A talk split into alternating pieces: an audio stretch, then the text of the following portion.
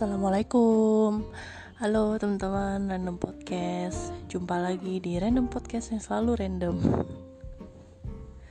Gila ya. Kayak udah lama banget sebenarnya uh, Nggak update si podcast ini gitu. Kayak udah lama diabaikan. Mungkin kayak terakhir gue uh, bikin podcast sebelum ini itu sekitar Juni apa ya? Bulan-bulan. Pokoknya sebelum uh, kita akhirnya ada pelonggaran uh, eh, PSBB gitu ya. Dan sekarang udah ada pengetatan PSBB lagi. Aduh udah kayak baju ya PSBB ketat longgar ketat longgar. Yang nggak tahu sih sampai kapan uh, bakal uh, bakal berlangsung gitu PSBB-nya.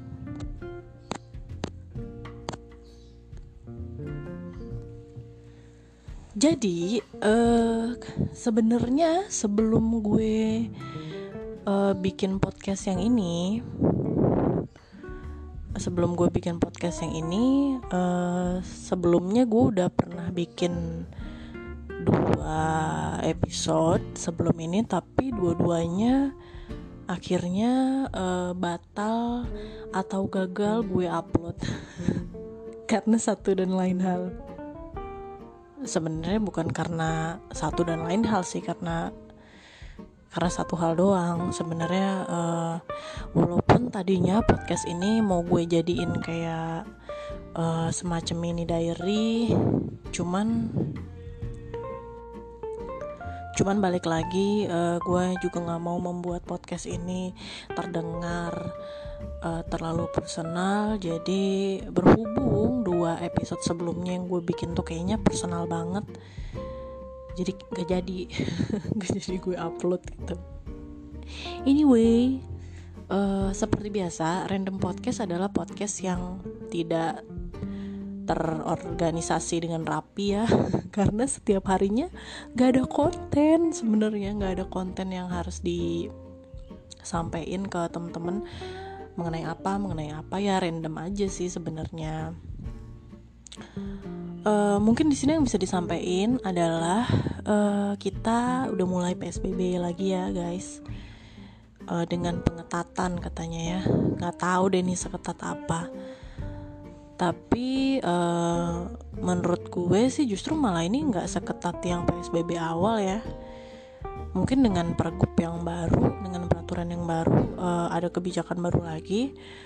Cuman dulu lo inget gak sih uh, kalian gitu psbb yang pertama banget diberlakuin di Jakarta itu bener-bener ketat ya. Karena mall ditutup semua tempat hiburan ditutup tempat ibadah ditutup semua kayaknya orang dikurung di rumah gitu ya. Uh, naik uh, apa kendaraan online ojek online itu nggak boleh dulu kan. Terus kalau misalnya kita bawa mobil juga eh, nggak uh, boleh dibatasin dan nggak boleh duduk sebelahan ya. Ingat gak sih dulu awal-awal gitu Terus dulu juga katanya uh, keluar masuk Jakarta perlu surat izin SKS ya apa sih namanya surat izin keluar masuk itu. Dan sekarang dengan pergub yang baru itu semua berubah. Jadi kayak tempat ibadah uh, tetap dibuka tapi dengan uh, kapasitas yang uh, dikurangi atau setengahnya terus kayak tempat-tempat uh, makan juga uh, boleh kan sekarang. Kalau dulu kan nggak boleh makan di tempat ya. Kalau sekarang katanya udah boleh atau gimana sih? Tapi dengan di pembatasan gitu ya. Uh, kalau di Jakarta mungkin nggak boleh makan di tempat ya. Cuman kalau untuk di daerah di luar Jakarta ya seperti kota-kota penyangga itu masih boleh guys makan di tempat. Tapi uh, diberlakukan jam malam. Jadi jam 6 udah cut kelar. Pulang lo semua. Nggak ada yang boleh makan di tempat gitu. Jadi menurut gue justru malah ini lebih uh, apa ya uh, lebih bijaksana lah ya. Uh, pemerintah provinsi DKI gitu. Nggak nggak terlalu seketat sebelumnya. Walaupun malah tingkat uh, penyebaran covidnya makin Wow, makin merajalela ya. Udah nggak seribuan lagi guys, udah nggak dua ribuan lagi, tiga ribuan. Malah kayaknya udah tiga ribu. Sekarang kan rata-rata setiap harinya tiga ribu delapan ratus, tiga ribu sembilan ratus ya. Berarti udah mau empat ribu. Nih, nggak kebayang ya kalau sehari itu empat ribu ya, ribu orang terpapar, empat ribu orang terpapar. Lama-lama semua warga sedekai terpapar covid semua kayaknya uh, cuman gimana ya balik lagi belum ada solusinya.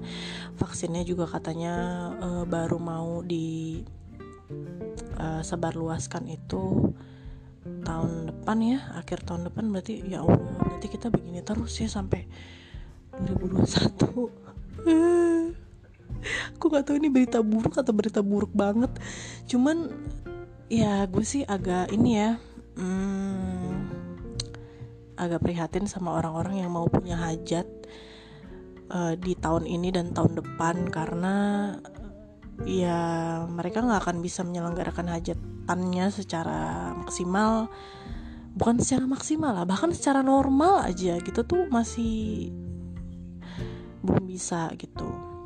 Karena dengan adanya seluruh kejadian ini harus tetap uh, mengutamakan protokol kesehatan uh, yang udah di uh, apa dibuat sama pemerintah gitu. Jadi aduh ini pasti hal yang berat banget sih. Wow pokoknya bahkan tahun ini katanya udah udah tidak seperti tahun lalu. Jadi udah setahun ini berasanya udah beda gitu. Dan tahun depan juga pasti nggak akan beda jauh dari sekarang ya kalau memang uh, si vaksin ini belum mulai untuk didistribusikan berarti kan ya sama aja ya kayak tahun tahun ini kurang lebih keadaannya tahun depan. Ngomongin soal PSBB lagi ya yang mana orang-orang bekerjanya juga nggak full kan berarti ya. Lebih banyak WFH lagi apalagi kalau yang udah tua-tua ya kan? Yang punya penyakit tertentu udah deh beneran emang dipasung banget di rumah otomatis uh, kegiatan teman-teman jadi balik lagi ya kaum rebahan. Lebih banyak rebahan lebih banyak uh, merenungi kondisi belakangan ini ya. Ya Allah apalah ini yang terjadi gitu ya. Dan gue juga merasakan hal yang sama guys. Jadi sebenarnya uh, gini kalau di di di sikon gue ya semenjak uh, ada PSBB transisi uh, atau udah pelonggaran PSBB ya waktu itu kalau nggak salah 14an Juni deh kalau nggak salah ya kalau nggak salah inget. Bener berarti kalau nggak salah. Itu gue udah mulai masuk guys. Masuk normal. Maksudnya kayak setiap hari gue masuk gitu loh. Udah nggak ada WFH WFH lagi. Sampai pada akhirnya tanggal 14 juga September udah mulai uh, rem darurat ditarik sama Bapak Anies. Katanya uh, Jakarta uh, atau DKI ya sebagai ibu kota udah mulai kondisinya merah bahkan hitam ya zonanya. Jadi udah mulai tuh PSBB diketatin lagi. Nah dari situ gue udah mulai di rumah lagi. Lebih banyak di rumah gitu ya karena biar bagaimana wah ini ada yang seru sih sebenarnya bukan seru juga sih. Jadi gue sekalian mau membagikan pengalaman gue uh, tes swab ya atau PCR swab ini. Jadi guys uh, sebenarnya uh, tempat gue kerja itu kan dari semenjak sebelum diberlakukan uh, PSBB total lagi ya per 14 September itu sebenarnya sudah ada beberapa uh, pegawai yang memang positif covid gitu. Awal mulanya sih cuma satu orang dua orang gitu. Dan itu mereka katanya kenanya di luar jadi bukan di lingkungan kantor gitu. Tapi karena mereka awalnya nggak tahu mereka covid kan terus tetap masuk kantor ya udah jadinya menular tuh. Kan penyebarannya cepat banget. Jadi teman-teman di kantor yang tadinya sehat walafiat karena ada satu yang covid nggak tahu dapetnya dari mana tuh covid akhirnya menular. Karena kan di kantor uh, kalian tahu sendiri interaksi di kantor klaster perkantoran tuh salah satu klaster yang emang uh, ini ya penyebarannya agak lumayan uh, cepet karena memang kalau di kantor kan uh, ruangan tertutup terus uh, antar pegawai itu interaksi mesti ada gitu kan ya. Walaupun kita udah pakai masker udah uh, ya udah menerapkan 3M itulah ya. Cuman di kantor itu agak sulit untuk menjaga jarak ya nggak sih? Uh, sependapat nggak nih kalian? Biar udah jaga jarak ya tetap aja kok di kantor tuh sejaga jarak sejaga jaraknya kita kayak nggak jaga jarak jaga jarak amat sih sebenarnya kan. Dari situ mulailah tertular ya satu orang dua orang. Cuman ini kondisinya uh, berbeda gedung sama gedung tempat gue kerja gitu. Jadi tempat gue kerja kan terdiri atas beberapa gedung nih gedung A gedung B gedung C gedung D gedung E. Nah gue posisinya ada di gedung E. Dan orang yang pertama uh, terindikasi covid itu sebenarnya ada di gedung A. Jadi akhirnya tuh gedung A satu gedung besokannya diadain PCR uh, eh, swab. Diadain PCR swab uh, terus si gedung itu akhirnya di lockdown selama tiga hari uh, berturut-turut karena mau di uh, sterilkan dulu katanya mau disemprot cairan desinfektan atau apalah itu namanya ya. Dari swab test itu ah mulai deh tuh permunculannya beberapa orang yang kena. Akhirnya dari gedung A itu merambatlah ke gedung B. Guys gitu. Di gedung B itu ternyata ada juga yang kena uh, covid ya dinyatakan positif covid.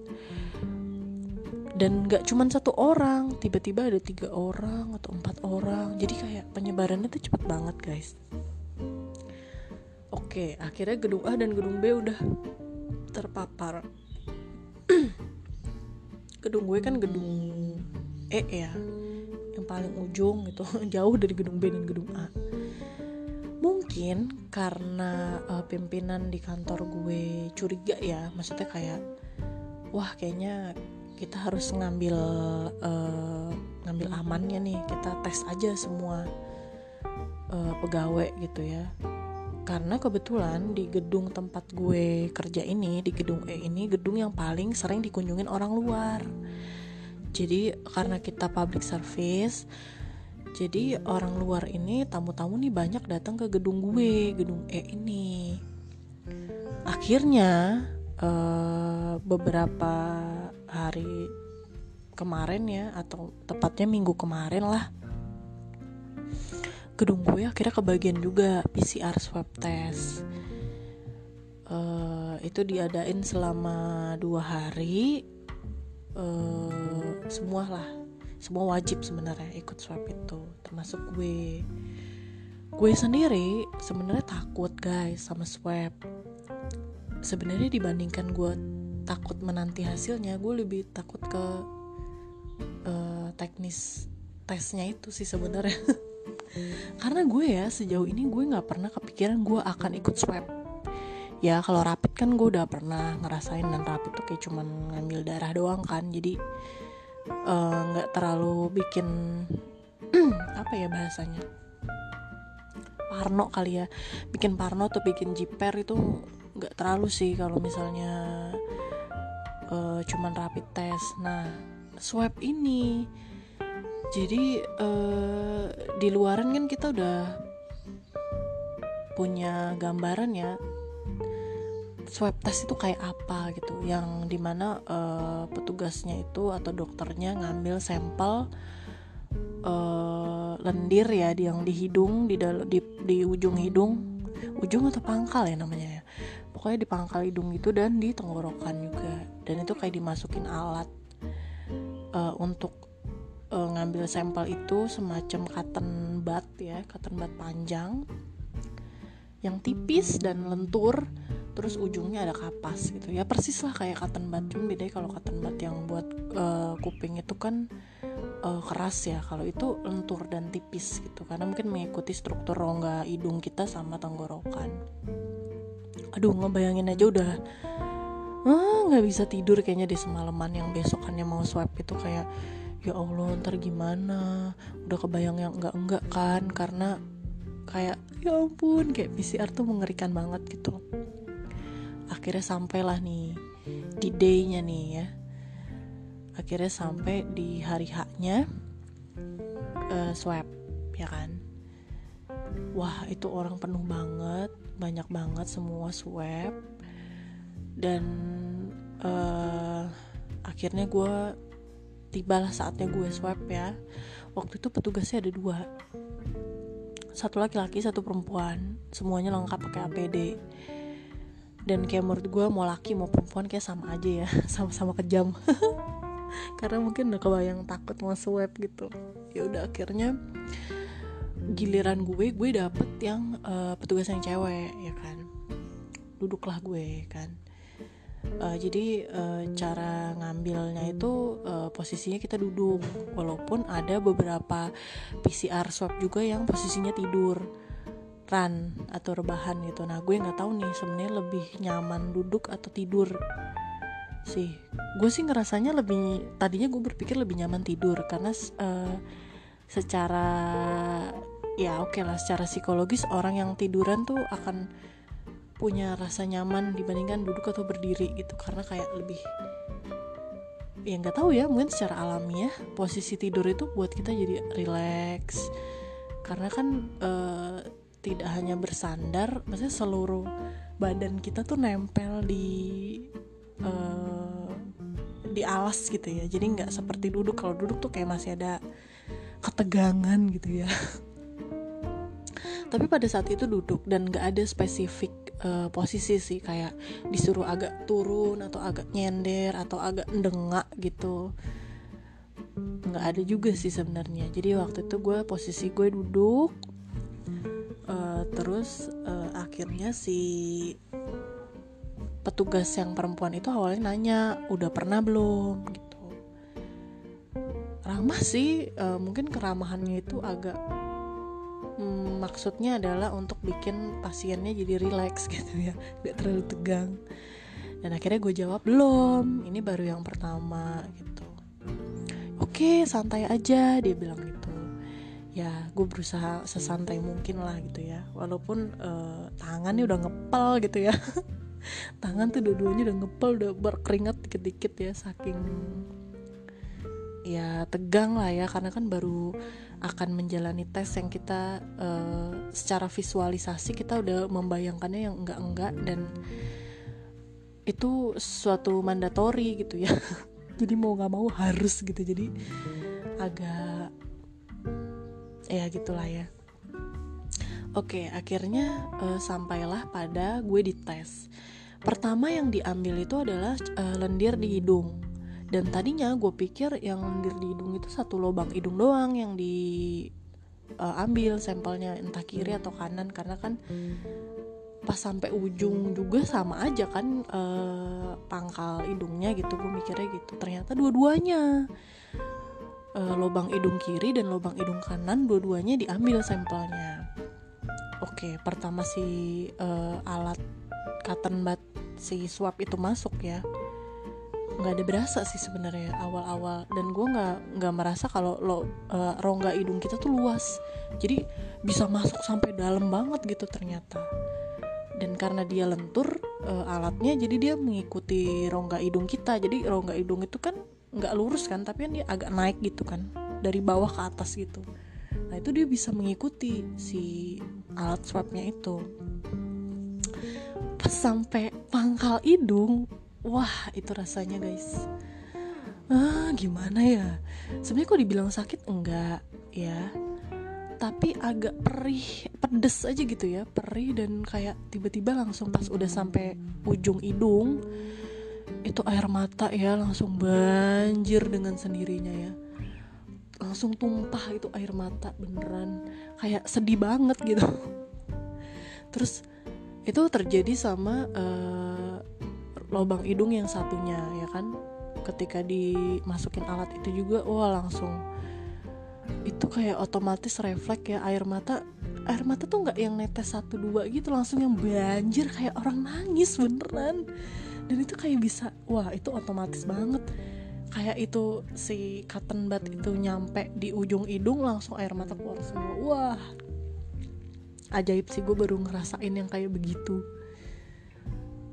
uh, yang nggak nyaman tuh menurut gue memang di hidung sih ya. Karena ya lubang hidung eh maksudnya rongga hidung kan sensitif banget.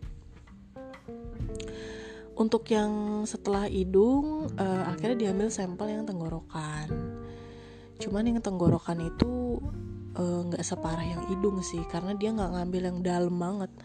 Jadi cuman paling kayak uh, lo disuruh kayak ini kayak dokter mau meriksa mulut gitu kan yang julurin lidah keluar terus ngomong ah gitu kan biar agak kebuka mungkin rongga tenggorokan lo terus dimasukin alat itu juga terus cuman dicongkel sedikit gitu doang sih kalau yang di tenggorokan. Jadi nggak bikin mau muntah gitu. Cuman yang di hidung itu sih emang yang super duper parah yang aduh nggak mau lagi dan mudah-mudahan nggak deh nggak PCR swab lagi ever deh selesai dari situ uh, akhirnya nunggu hasil lah. Nunggu hasil beberapa uh, beberapa waktu ya. Sekitar 3-4 harian hasilnya keluar dan alhamdulillah negatif. Jadi dari situ udah lega banget. Kayaknya perjuangan ikut swab itu beneran terbayar sudah ya. Karena nggak kebayang kalau hasilnya positif otomatis lo harus swab lagi itu pasti gitu. Jadi rata-rata orang yang terpapar covid yang didiag nosis hasil dari PCR swab terus hasilnya positif dan otomatis mereka isolasi ya atau karantina nantinya akan dipantau lagi kan kondisinya. Jadi harus swab lagi swab lagi swab lagi. Ah dan gue membayangkan kalau misalnya ikut swab lagi aduh nggak bisa ngebayangin sih kayak apa gitu. Jadi alhamdulillah oke okay, kelar masalah uh, swab swaban itu. Balik lagi ke PSBB uh, eh, karena sekarang kondisinya WFH lagi di rumah lagi karena PSBB lagi maka uh, muncullah kegiatan anfaedah ya di rumah selain rebahan. Kegiatan anfaedahnya seorang Desi itu apa sih sebenarnya sebenarnya kegiatan anfaedah gue adalah nonton. Nonton film. Jadi uh, selama psbb ini gue lagi seneng banget lagi seneng banget uh, nonton film. Sebenarnya kalau untuk film gue tuh tipikal orang yang terbuka dengan berbagai macam genre film Uh, jadi kalau dulu awal-awal banget gue mulai suka nonton film itu dulu gue suka uh, genre romcom ya. Romantic comedy romantic comedy. Jadi uh, kenapa gue suka romantic comedy? Karena menurut gue romcom itu adalah genre yang paling gampang buat uh, dicerna dan dimengerti gitu ya sama yang nonton. Karena ringan banget kayaknya. Dan romantic comedy tuh kayak udah punya struktur. Ya gak sih? Yang stranger sama stranger ketemu cocok menjalin hubungan nanti ada konflik terus uh, akhirnya ada uh, ada resolusi dari konflik itu baikan happily ever after. Biasanya gitu kalau misalnya romcom tuh udah ada apa ya pakemnya gitu ya romantic comedy. Jadi sebenarnya uh, nonton romcom itu asik tapi kalau udah keseringan jadi bosen. Kenapa bosen? Karena itu twist apa ya uh, plotnya itu tuh udah udah ada pakemnya. Jadi begini begini begini begini begini ujung-ujungnya begini gitu ya. Rata-rata romantic comedy tuh kayak gitu makanya setelah gue udah banyak nonton uh, romantic comedy karena gue tuh salah satu fans dari Jennifer Lopez ya guys. Dan uh, Jennifer Lopez itu kan uh, musisi uh, aktris juga. Tapi kalau misalnya lo lihat film-filmnya Jennifer Lopez itu rata-rata romantic comedy.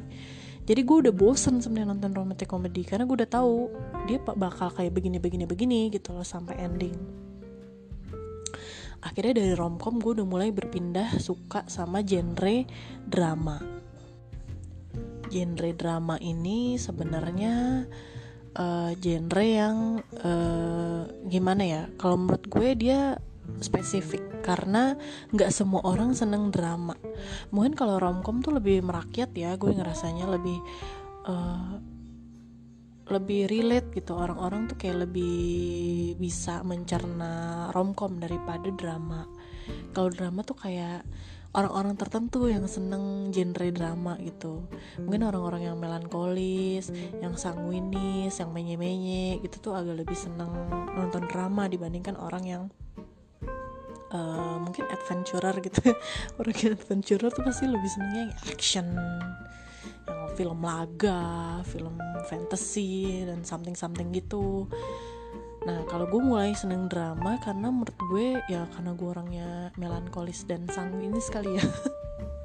Jadi gue seneng film drama gitu. Karena drama tuh kan mainin emosi banget ya. Jadi uh, bisa meng apa ya mengaduk-ngaduk emosi yang nonton banget gitu kalau misalnya film drama. Jadi gue udah mulai seneng selain romcom gue seneng drama. Dan drama ini plotnya lebih eh, nggak uh, bisa ketebak dibandingkan romcom. Kalau romcom ini pasti happy ending. Rata-rata semua romantic comedy happy ending ya tolong dicatat. Tapi kalau drama nggak nggak setiap drama endingnya tuh happy. Ada yang sedih ada yang happy ada yang nggak uh, jelas endingnya gitu. Jadi lebih uh, variatif lah kalau drama. Makanya gue mulai dari romcom gue nonton drama. Abis nonton drama gue mulai agak suka yang namanya uh, thriller. Nah gue mulai suka thriller. Thriller yang beneran thriller doang ya. Karena thriller ini kan ada perpaduan juga nih kayak psychological thriller ada uh, ada yang namanya thriller yang black black comedy itu juga ada tuh. Jadi kayak dia komedi tapi uh, campuran komedi thriller. Jadi black comedy akhirnya kan genrenya.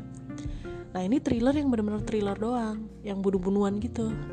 Nah gue mulai suka thriller karena lebih menantang menurut gue ya. Uh, plotnya nggak ketebak terus lebih bisa apa ya deg-degannya tuh dapet. Kalau misalnya drama kan lebih kayak nggak deg-degan gitu nonton drama. Tapi kalau nonton thriller tuh kayak yang uh, tapi deg-degannya tuh nggak yang deg-degan takut. Nah gue tuh justru malah nggak suka horor. Gue kurang suka horor karena menurut gue horor tuh kayak nakut-nakutin. Tapi kalau thriller tuh tidak berusaha nakut-nakutin tapi kita yang kebawa sama filmnya gitu. Kayak yang misalnya ada orang dikejar-kejar mau dibunuh. Nah kita merasa kayak kita juga dikejar-kejar mau dibunuh gitu jadi tegangnya itu beda sama tegang nonton film horor. Kalau nonton film horor tuh kayak ini pasti ada hantunya ini pasti ada setannya. Kayak udah ada bayangan gitu. Tapi kalau thriller kan kita lebih apa ya adrenalinnya tuh lebih ada gitu loh nonton thriller. Makanya gue mulai suka nonton film thriller. Uh, terus selain film thriller gue suka juga beberapa film yang art house Nah ini rada-rada uh, jelimet sih sebenarnya guys kalau mau ngomongin art house. Mungkin sebagian temen-temen ada juga yang nggak paham apaan sih film art house itu. Jadi genre gue nggak tahu ya art house ini termasuk ke genre film atau uh, atau genre yang lain ya gue nggak tahu lah. Jadi art house ini adalah sebuah genre di mana uh, film ini cenderung film yang uh, laid back atau film yang alur itu lama banget nih lama lambat banget gitu. Terus yang agak bikin mikir nontonnya.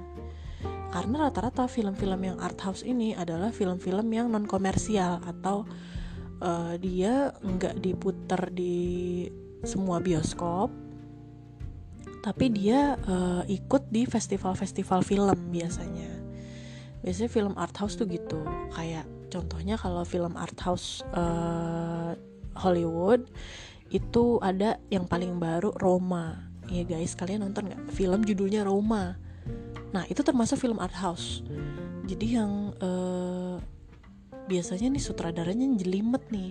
Orang kayaknya nonton sekali belum tentu paham. Dan itu lama banget uh, alurnya gitu ya. Jadi kadang orang menonton film art house tuh bosen. Karena kayak ini apa sih sebenarnya? gitu ya. Apalagi orang yang emang pengen nonton film cuman mau cari hiburan nggak nyari pusing. Jadi jangan nonton film art house gitu. Kalau art house di dalam negeri ada juga uh, sebenarnya art, uh, jenis atau genre art house di Indonesia itu nggak terlalu familiar. Karena pertama dia nggak komersil. Ya kan? Terus uh, festival-festival film di Indonesia itu enggak se-booming festival-festival film di luar negeri. Contohnya di Amerika lah. Itu festival film tuh rata-rata uh, setiap negara bagian itu ada festival filmnya kayak New York Film Festival, terus uh, San Francisco Film Festival pasti selalu ada setiap negara bagian tuh uh, ada gitu loh film festnya. Sementara kalau di Indonesia itu uh, festival film itu agak kurang kurang apa ya agak kurang terkenal karena memang mungkin penyebabnya adalah uh, film di Indonesia itu bukan sebuah industri atau sebuah industri tapi bukan industri yang uh, udah maju atau udah bagus kayak Hollywood atau Bollywood ya kan? Atau uh, ada juga film Hong Kong atau Korea yang mereka udah punya uh, industri sendiri gitu filmnya. Sedangkan Indonesia ini industri filmnya bukan uh, industri yang maju atau menjanjikan atau suatu industri yang berkembang pesat gitu. Makanya uh, festival film di Indonesia pun masih sedikit. Dari situ film-film yang dibuat khusus untuk festival atau art house itu juga jadi sedikit. Belum banyak karena uh, peminatnya juga sedikit ya kan? Maksudnya kritikus film itu nggak uh, banyak gitu loh di sini. Jadinya um, belum semua sutradara berani untuk bikin film art house. Oke, okay, salah satu contoh yang gue ambil film art house Indonesia ada judulnya adalah uh, ntar lu ya gue inget-inget. Karena gue lupa judulnya tuh agak ribet soalnya. Uh, jadi yang main itu Nikola Saputra waktu itu sama Ayushita sama Karina Salim. Guys kalian inget nggak judulnya apa? Gue lupa judulnya karena terlalu panjang. What judulnya bahasa Inggris pula. Bentar ya gue inget-inget what you what, what you don't talk when you talk about love. Nah itu judulnya. What you don't talk when you talk about love. Nah itu kalau nggak salah judulnya itu ya. Tolong di googling. Kalau salah tolong dikoreksi. Karena emang ribet judulnya. Itu salah satu film art house. Jadi dia lambat banget alurnya laid back banget tapi eh uh, plotnya juga agak agak gimana gitu. Maksudnya nggak semua orang suka dan nggak semua orang seneng tapi itu salah satu film art house Indonesia yang pernah gue tonton. Uh, oke. Okay. lanjut. Uh, setelah gue suka nonton film art house gue juga uh, suka terakhir. Nah ini yang mau gue omongin sebenarnya. Terakhir di masa PSBB ini gue mulai tertarik sama thriller. Cuman thrillernya ini yang psychological thriller. Jadi gabungan nah kalau ngomongin soal psychological thriller ini adalah sesuatu yang sebenarnya thriller tapi ada unsur psikologinya. Jadi kayak uh, jadi lo mikir gitu nontonnya ya. Kalian tuh mikir nontonnya nggak sesederhana itu nggak sesederhana thriller thriller kayak amusement kayak uh, It kayak apa ya contoh-contoh film thriller tuh kayak Roommate. Nah itu kan film-film thriller tuh. Cuman thriller yang murni thriller gitu. Nah kalau psychological thriller ini ada unsur psikologisnya. Jadi uh, yang membuat film itu spesial ya karena memang kita harus uh, mikir gitu loh. Nah, salah satu uh, atau beberapa film psychological thriller ini akhir-akhir ini gue lagi nontonin sih jadi gue akan rekomendasiin beberapa judul uh, psychological thriller yang bagi kalian terutama yang suka genre itu ya yang bisa ditonton buat mengisi waktu luang kalian di rumah aja sebenarnya. Uh, film psychological thriller ini sebenarnya nggak cuma milik Hollywood sih Indonesia juga punya. Wih, boleh bangga dong. Kita juga punya guys film psychological thriller. Dan uh, salah satu sutradara yang getol banget bikin psychological thriller itu adalah Joko Anwar ya. Kalau kalian lihat film-filmnya Joko Anwar itu kan rata-rata dark semua ya. Kayak gak lah itu mungkin kayak uh, ciri khas dia kali ya bikin film yang dark gitu. Nah si Joko Anwar ini rata-rata filmnya itu memang psychological thriller.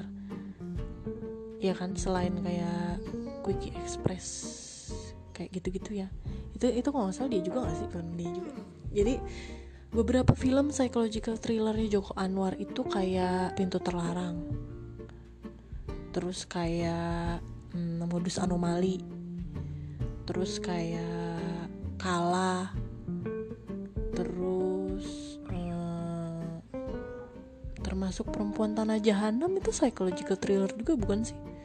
Atau thriller doang ya terus kayak hmm, apa tuh yang hmm, ratu ilmu hitam? Bukan ya? Oh sorry itu Kimo Stambul bukan Joko Anwar. Ya pokoknya intinya salah satu yang paling du salah dua lah ya. Salah dua yang paling terkenal itu adalah pintu terlarang sama modus anomali. Itu psychological thrillernya Joko Anwar yang menurut gue keren banget ya. Itu rekomendasi banget dari gue bisa dimulai ditonton kalau misalnya penasaran. Ceritanya tentang apa?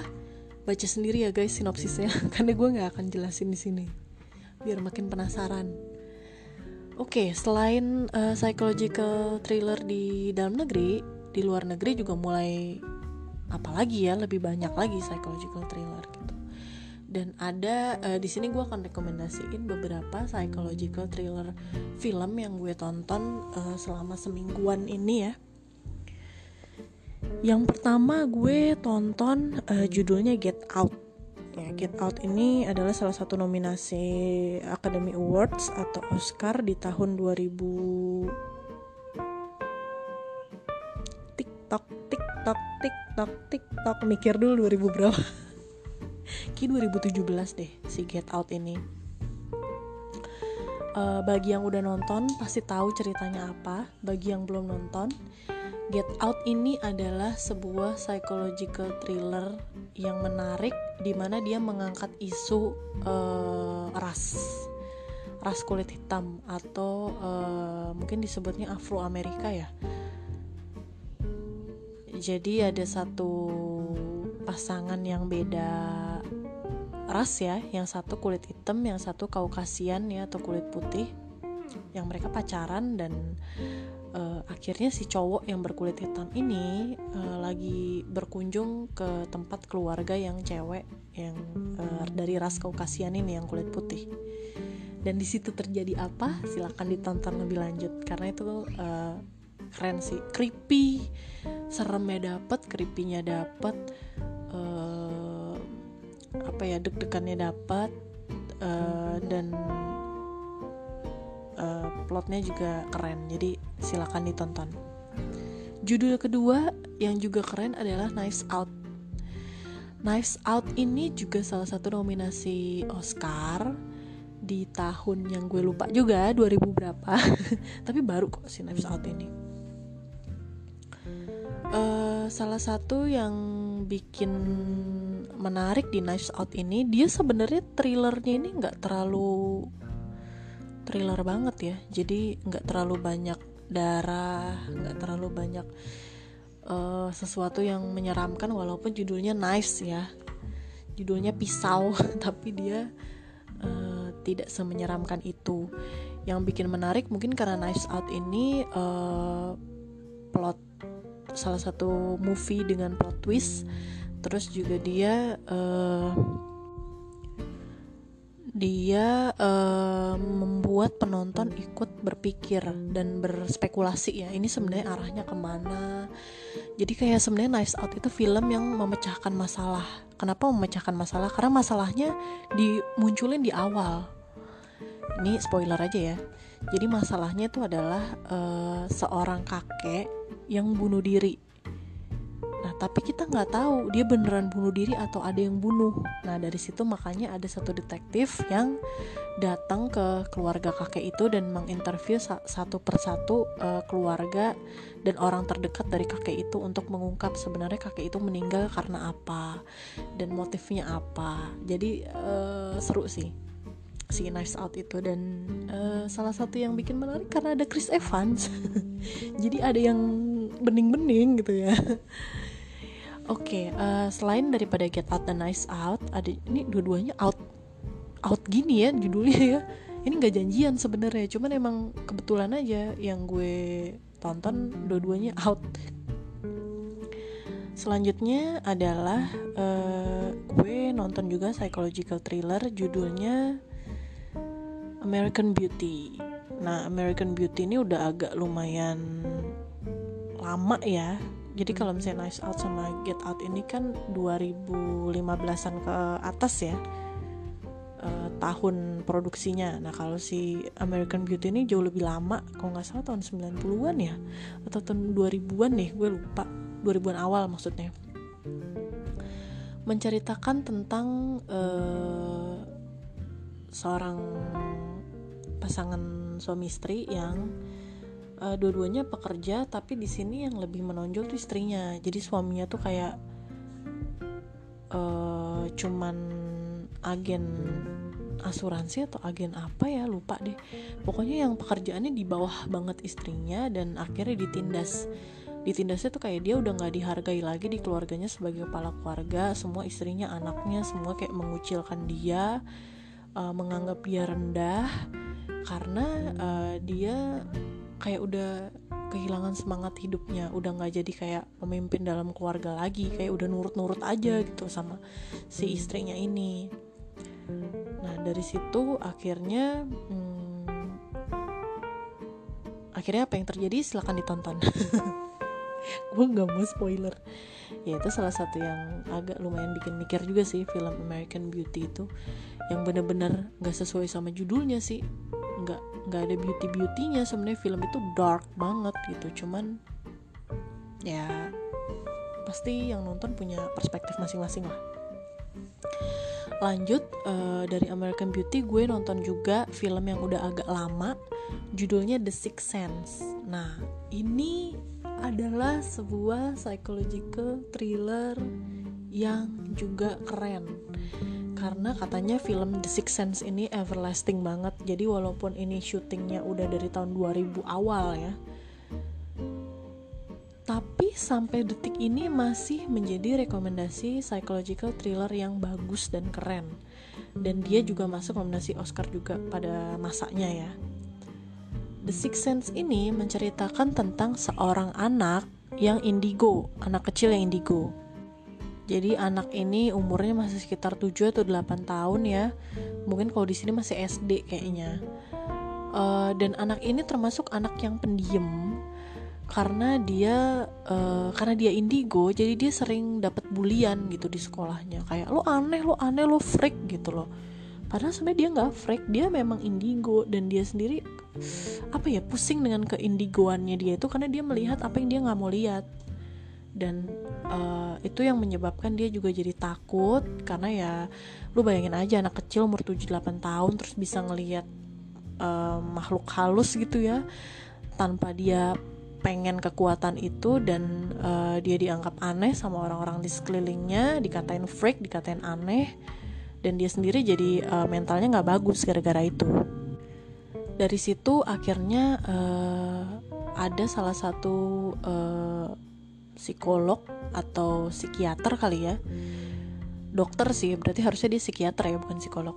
Psikiater yang uh, mau mencoba membantu permasalahan si anak indigo ini. Jadi dari sekian banyak orang cuman dokter ini yang percaya kalau dia indigo. Bahkan ibunya pun tadinya nggak percaya kalau dia indigo. Jadi uh, by the way si anak ini cuma tinggal sama ibunya ya. Uh, nggak uh, diceritain tuh bapaknya ke mana nggak tahu udah cerai atau apa. Pokoknya dia cuma tinggal berdua sama ibunya. Ibunya sendiri nggak percaya dia indigo. Jadi dia makin tertekan kan mentalnya karena gue indigo terus nggak ada yang percaya gue indigo gue sendiri nggak mau gue indigo ya kan? Jadi makin complicated tuh pemikiran itu anak. Sampai pada akhirnya ada nih satu dokter Malcolm di namanya Malcolm Nah, si dokter inilah akhirnya satu-satunya orang yang percaya kalau anak ini indigo dan dokter ini mau ngebantu uh, anak ini mengatasi keindigoannya atau setidaknya menerima gift itu gitu. Apa yang terjadi setelah itu silakan tonton ya filmnya guys. Gue nggak mau spoiler. Yang jelas itu film bagus banget sih dan uh, plot twist juga. Jadi cocok buat ditonton uh, lanjut setelah The Sixth Sense gue akhirnya nonton uh, satu lagi film psychological thriller judulnya Memento. Memento ini salah satu film yang everlasting juga sama se-everlasting The Sixth Sense. Jadi filmnya udah lama tahun 2000 sampai sekarang masih jadi uh, salah satu psychological thriller movie terbaik ya sepanjang masa film Memento ini dari sekian banyak film psychological thriller yang gue tonton atau mungkin dari sekian banyak film apa pun lah genre apa pun yang gue tonton ini film paling bikin pusing guys. Pusing banget bener. Karena lo mikir sepanjang film ini kenapa pusing? Pertama dia alurnya maju mundur.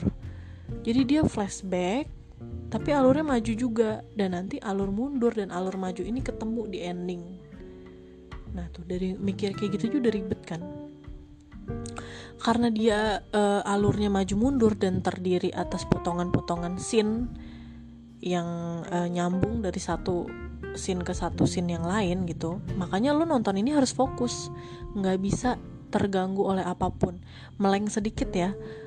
Kalian udah lupa scene sebelumnya tuh apa dan mak bakal nggak ngerti.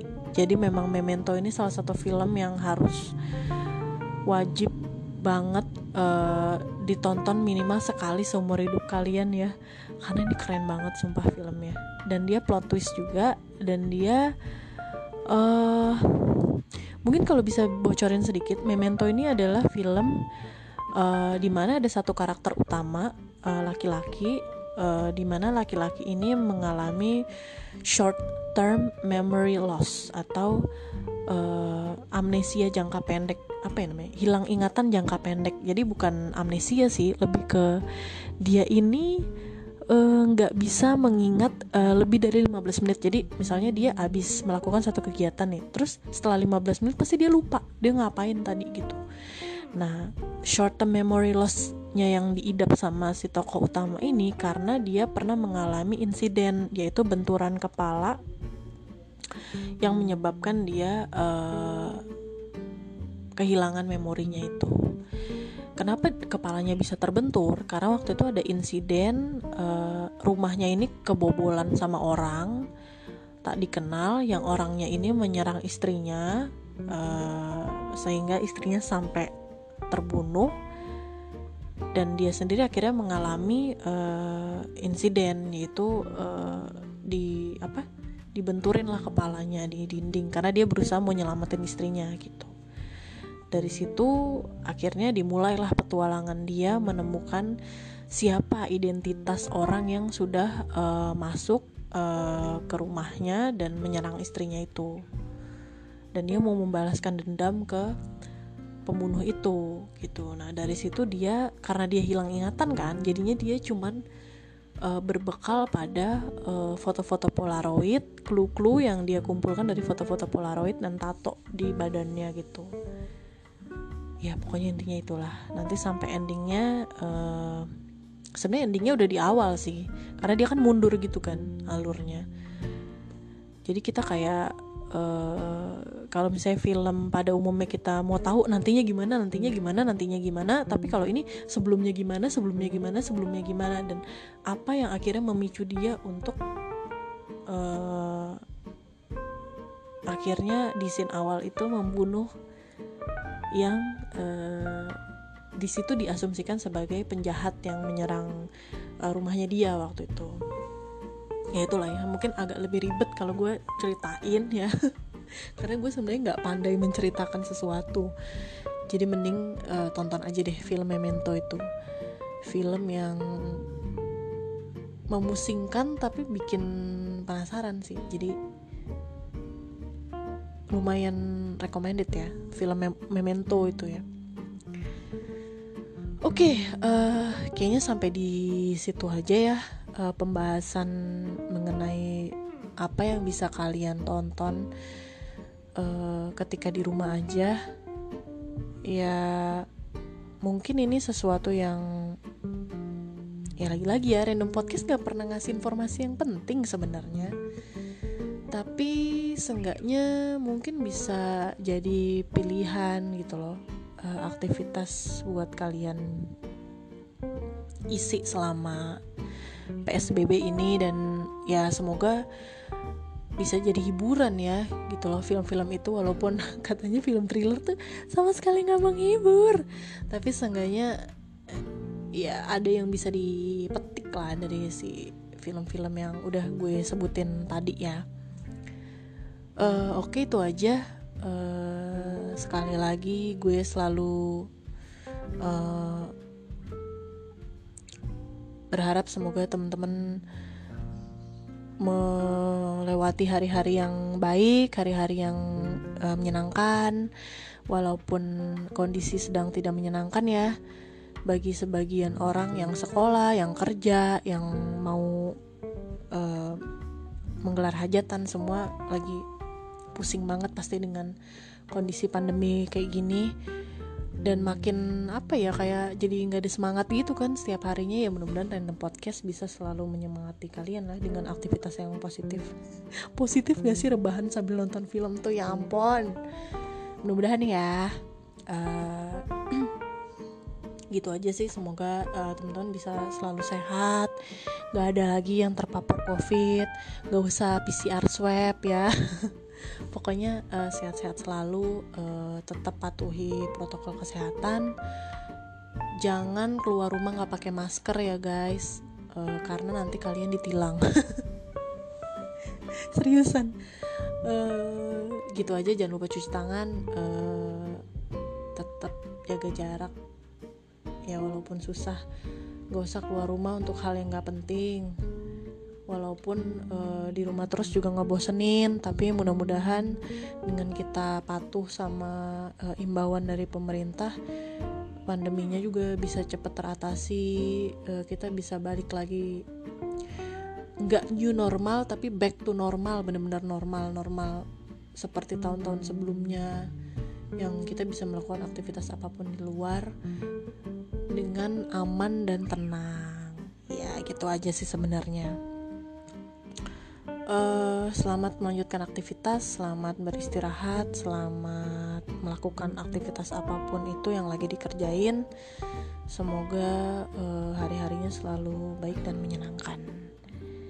Gitu aja deh, pokoknya tetap selalu dengerin random podcast yang selalu random dan nggak tahu uh, random juga update-nya kalau lagi mood. kalau lagi mood diupdate, kalau nggak mood ya udah gitu. Ya gitu aja pokoknya uh, teman-teman selamat beraktivitas. Wassalamualaikum warahmatullahi wabarakatuh. Bye bye